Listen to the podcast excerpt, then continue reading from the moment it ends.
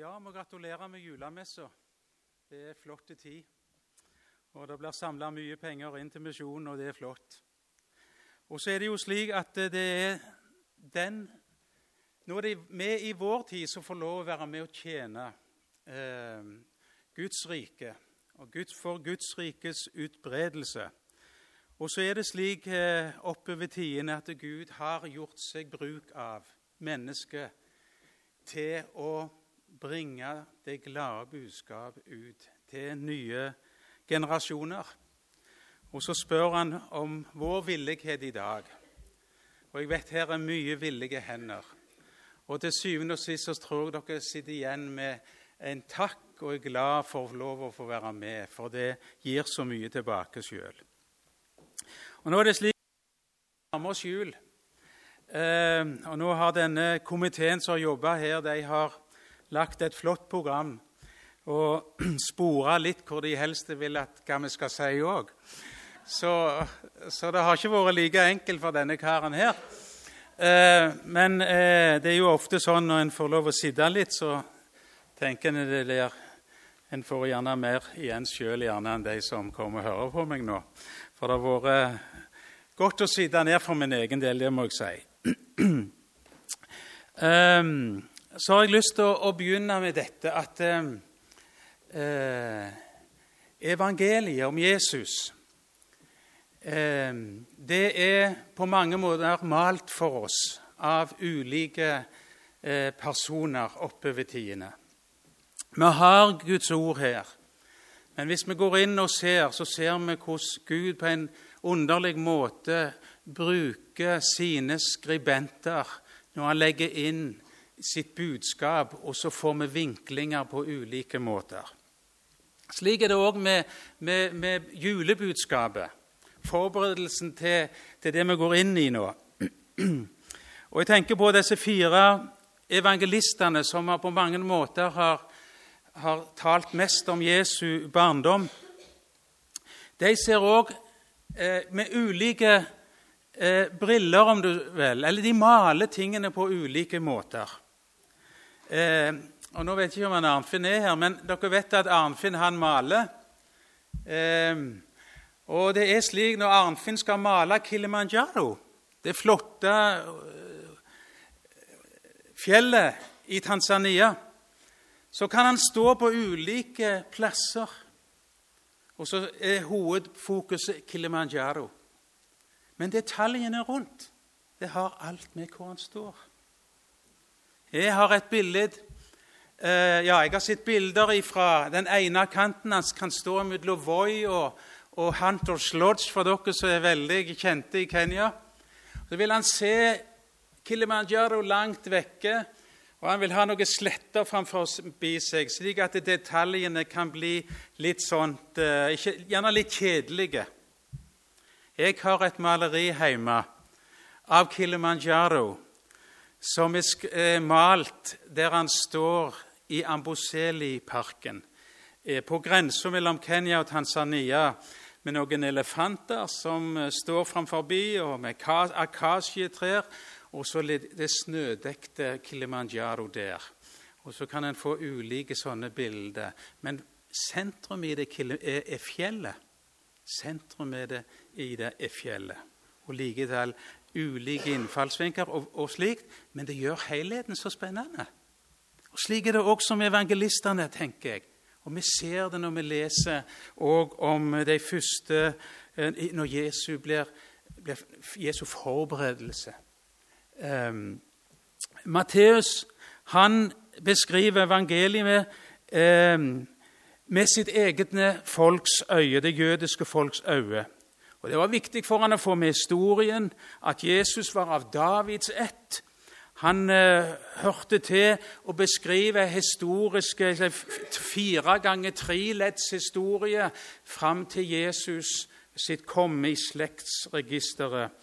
Eh, har mye med om Jesu fødsel, men maler mest eh, dette hvordan Josef opplevde det å skulle bli far. Går vi til Markus, så skriver han det ikke jøder. Han skriver det hedninger. Kort evangelium, konsist.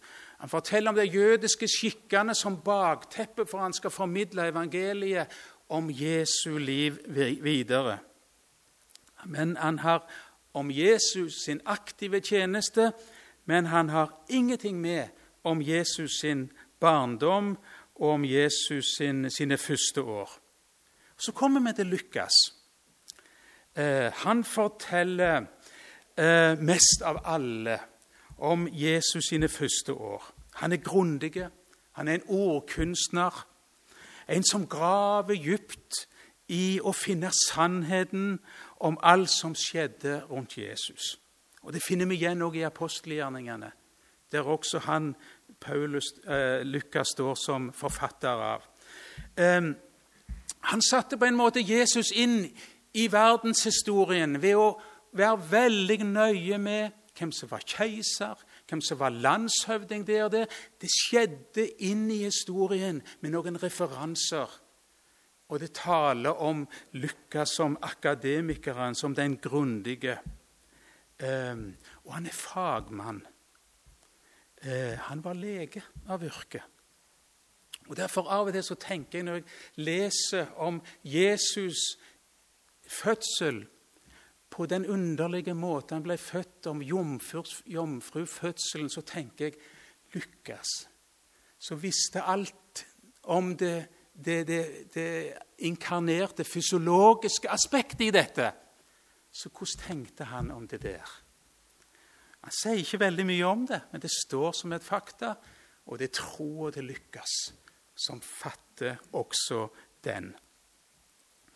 Um, og så um, uh, leser vi Lukas 2. Vi leser juleevangeliet. Hvordan han maler dette for oss. Og det er både små og store. Vi, vi forstår juleevangeliet. Det er et kjært evangelie for oss. og Det skal dere høre mer om denne uka, har jeg sett.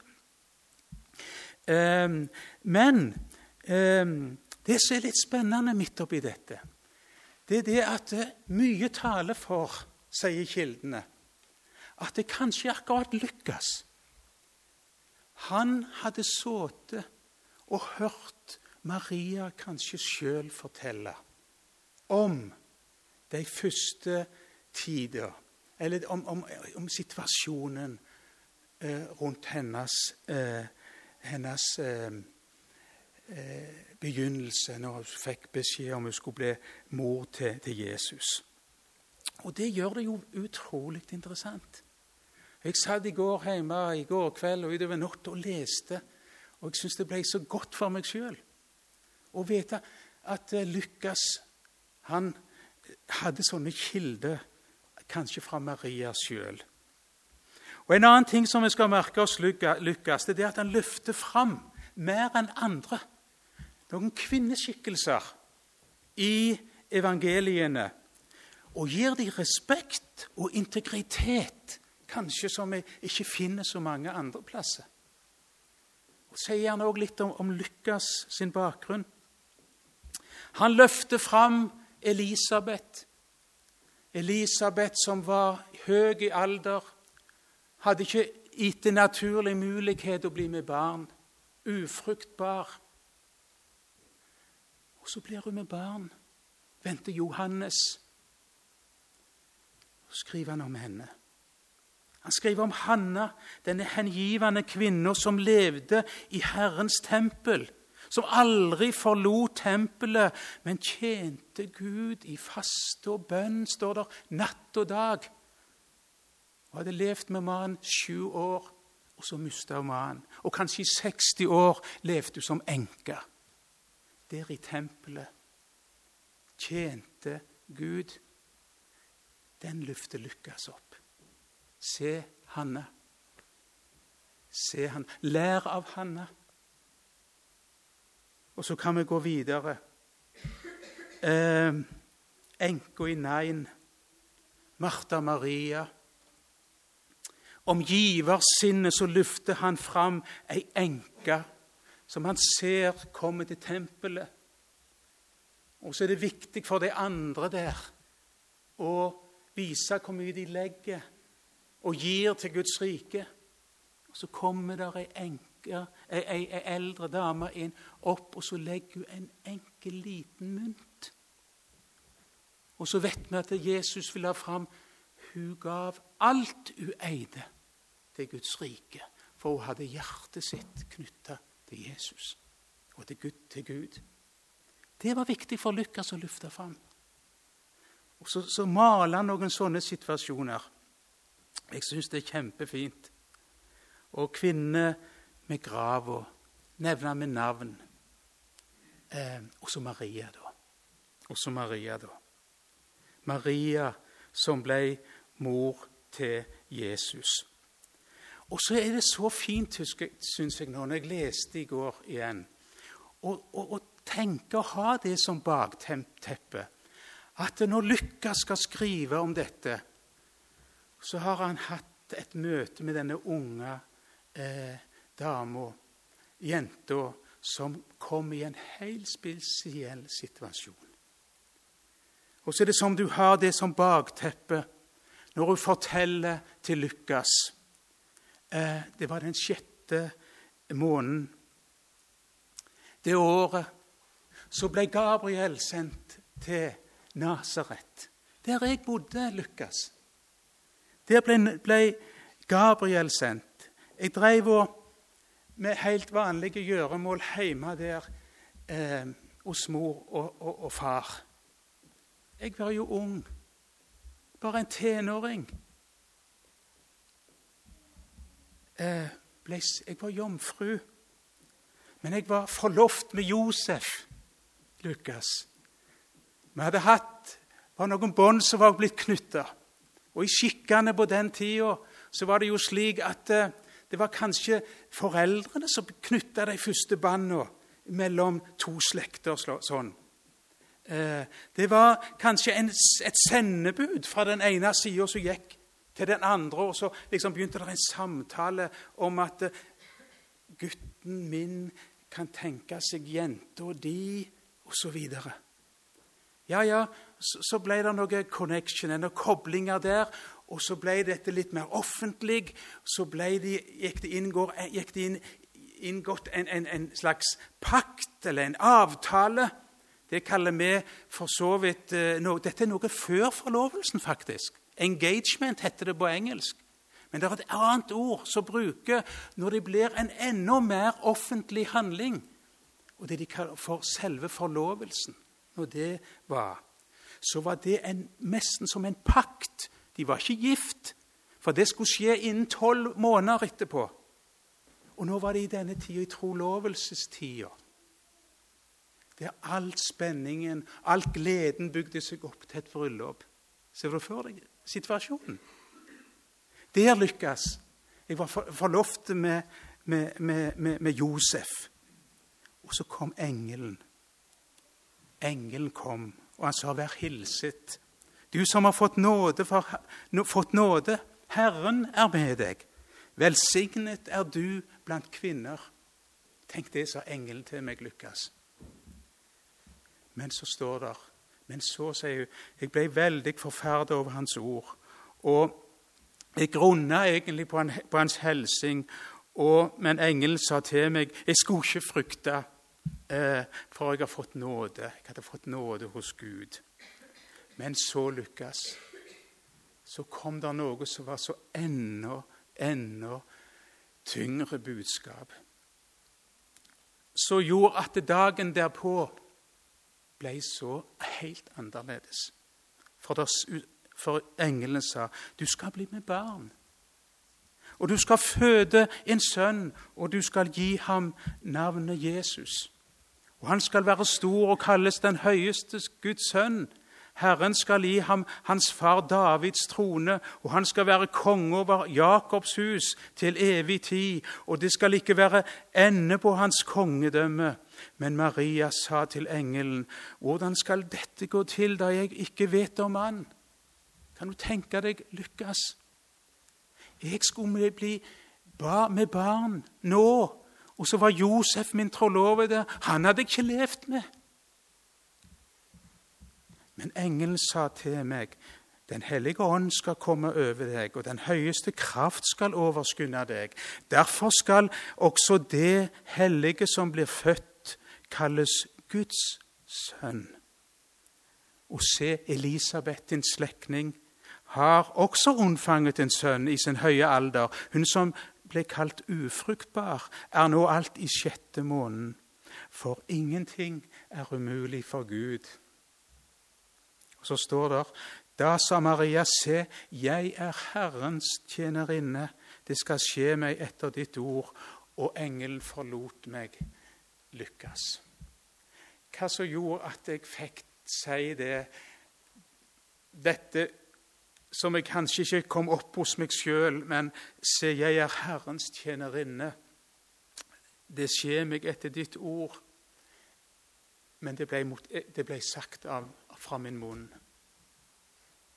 Og så opplever vi det. Dette var jo litt sånn kanskje annerledes. Men jeg, satt i natt, eller satt i kveld, i går kveld og tenkte litt inn i dette. her. Så jordnært. Så jordnært det var for Maria. Og så kan vi tenke nettopp litt utover dette. I sin gledesrus, mot bryllupet. Og så ble det denne veldige forandringen i hennes, hennes liv. Og hva gjør en i en sånn situasjon? Hva gjør hun? Jo, Maria har på den ene sida den store engelopplevelsen. Og så har hun Nasaret, hverdagen sin, der på den sida. Hva gjorde Maria? Eh, jeg tenker på en måte så Midt oppi gleden så var det masse tanker som kom i henne. Og det hun gjorde Jeg må ha luft, tenkte hun. Jeg må ha luft. Og så så hun opp i fjellbygden. Der visste hun det var en slektning. Hun hadde hørt om Elisabeth. Jeg får gå til Elisabeth. Og Så gikk hun til Elisabeth. Og så fikk hun en stadfestelse der når hun kom fram, at det faktisk hadde Elisabeth allerede fått greie på også det. At det, Maria, din slektning, hun er òg med barn nå.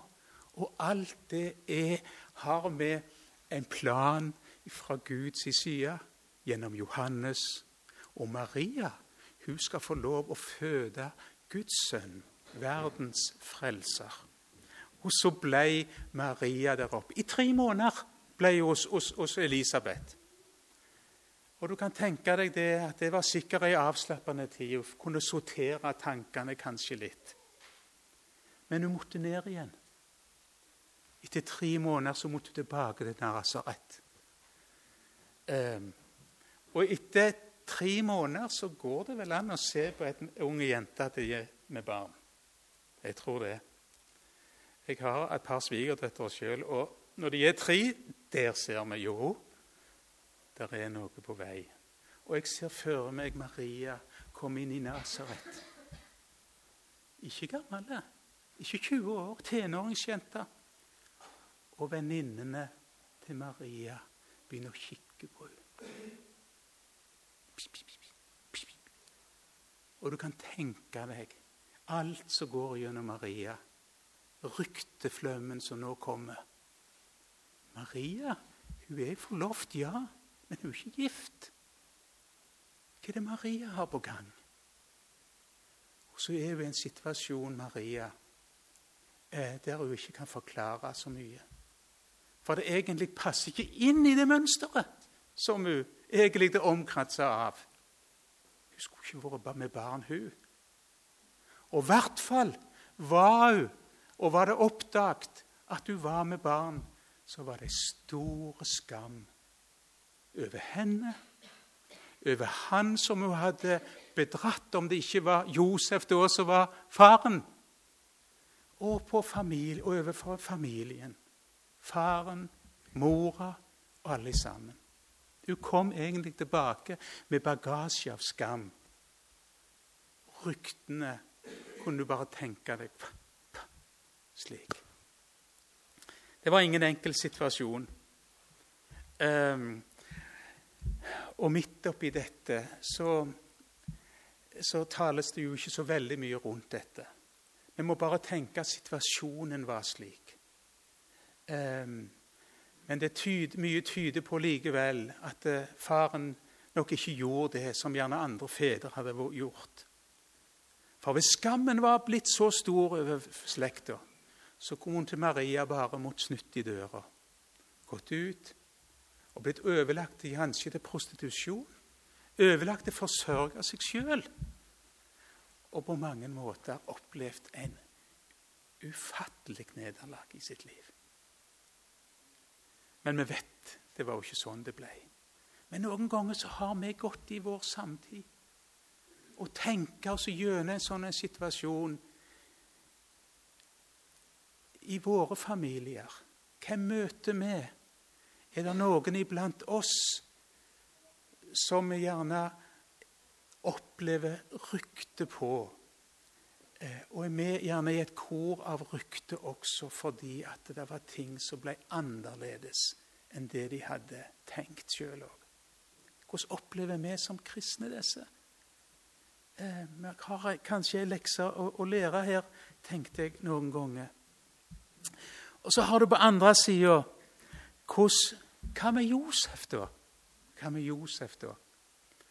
Um, og nå vet jeg ikke, Det er mulig Josef hadde fått greie på noe av dette. her.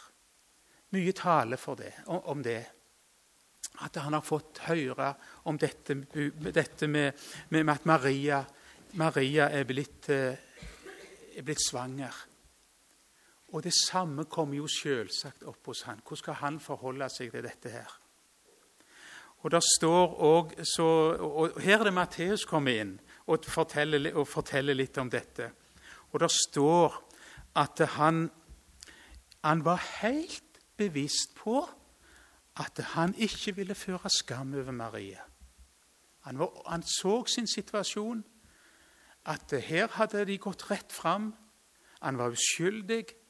Og kanskje hadde han betalt brudeprisen. Eh, og han kunne rettmessig hatt skilt seg av med henne. Men det står så fint om Josef. Han ville ikke, ville ikke det. Han ville ikke føre skam over, over, Maria.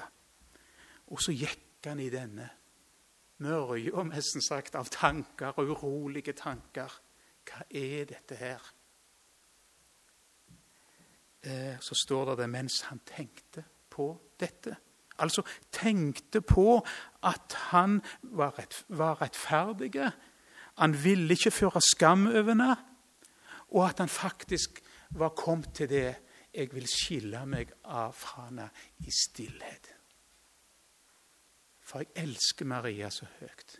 Jeg vil ikke at Maria skal få den skammen over seg. Jeg vil ikke Maria skal få lov å oppleve rykteflommen. Jeg vil beskytte henne. Og så gikk han og tenkte på dette. Og mens han tenkte, står der, så får han òg englebesøk.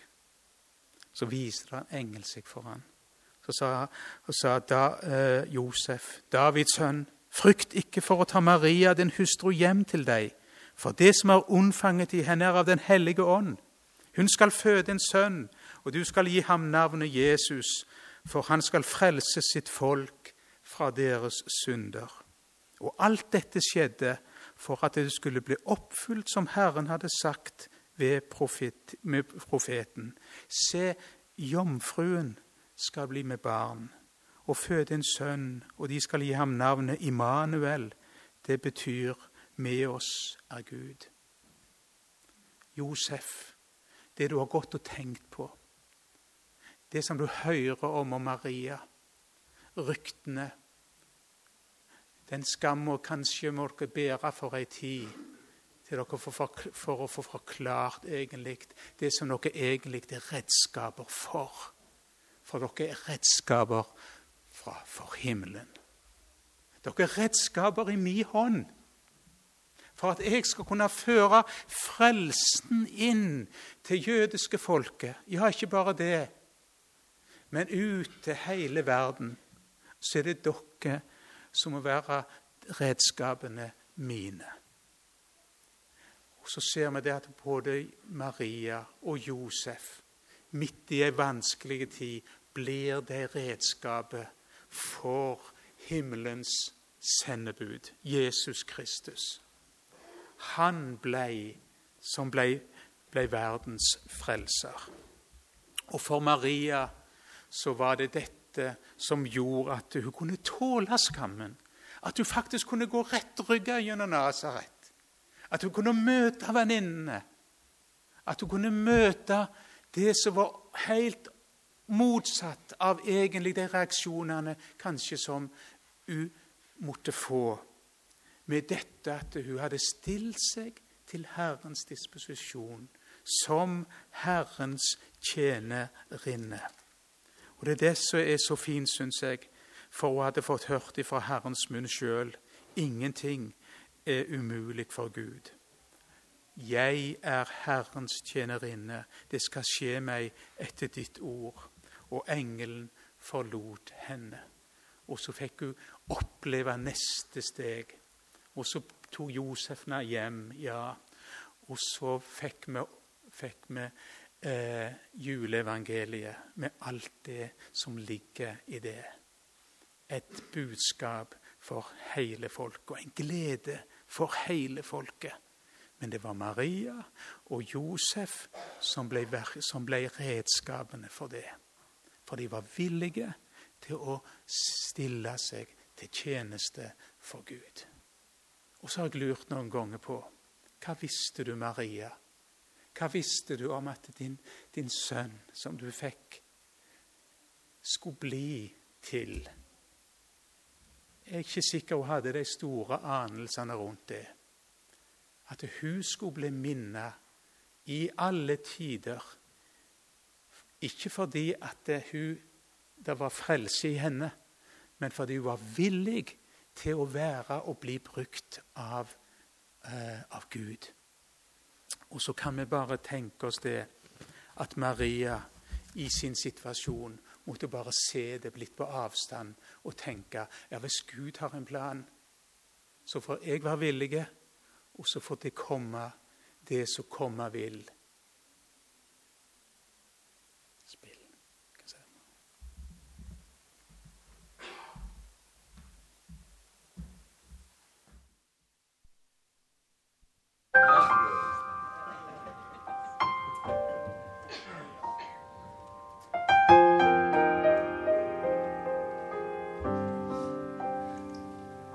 Mary, did you know that your baby boy will one day walk on water? Mary, did you know that your baby boy will save our sons and daughters? Did you know that your baby boy has come to make you new? This child that you delivered will soon deliver you. Mary, did you know that your baby boy will give sight to the blind man? Mary, did you know your baby boy? He'll calm the storm with his hand. Did you know that your baby boy has walked where angels trod? And when you kiss your little baby, you have face of God. The blind will see,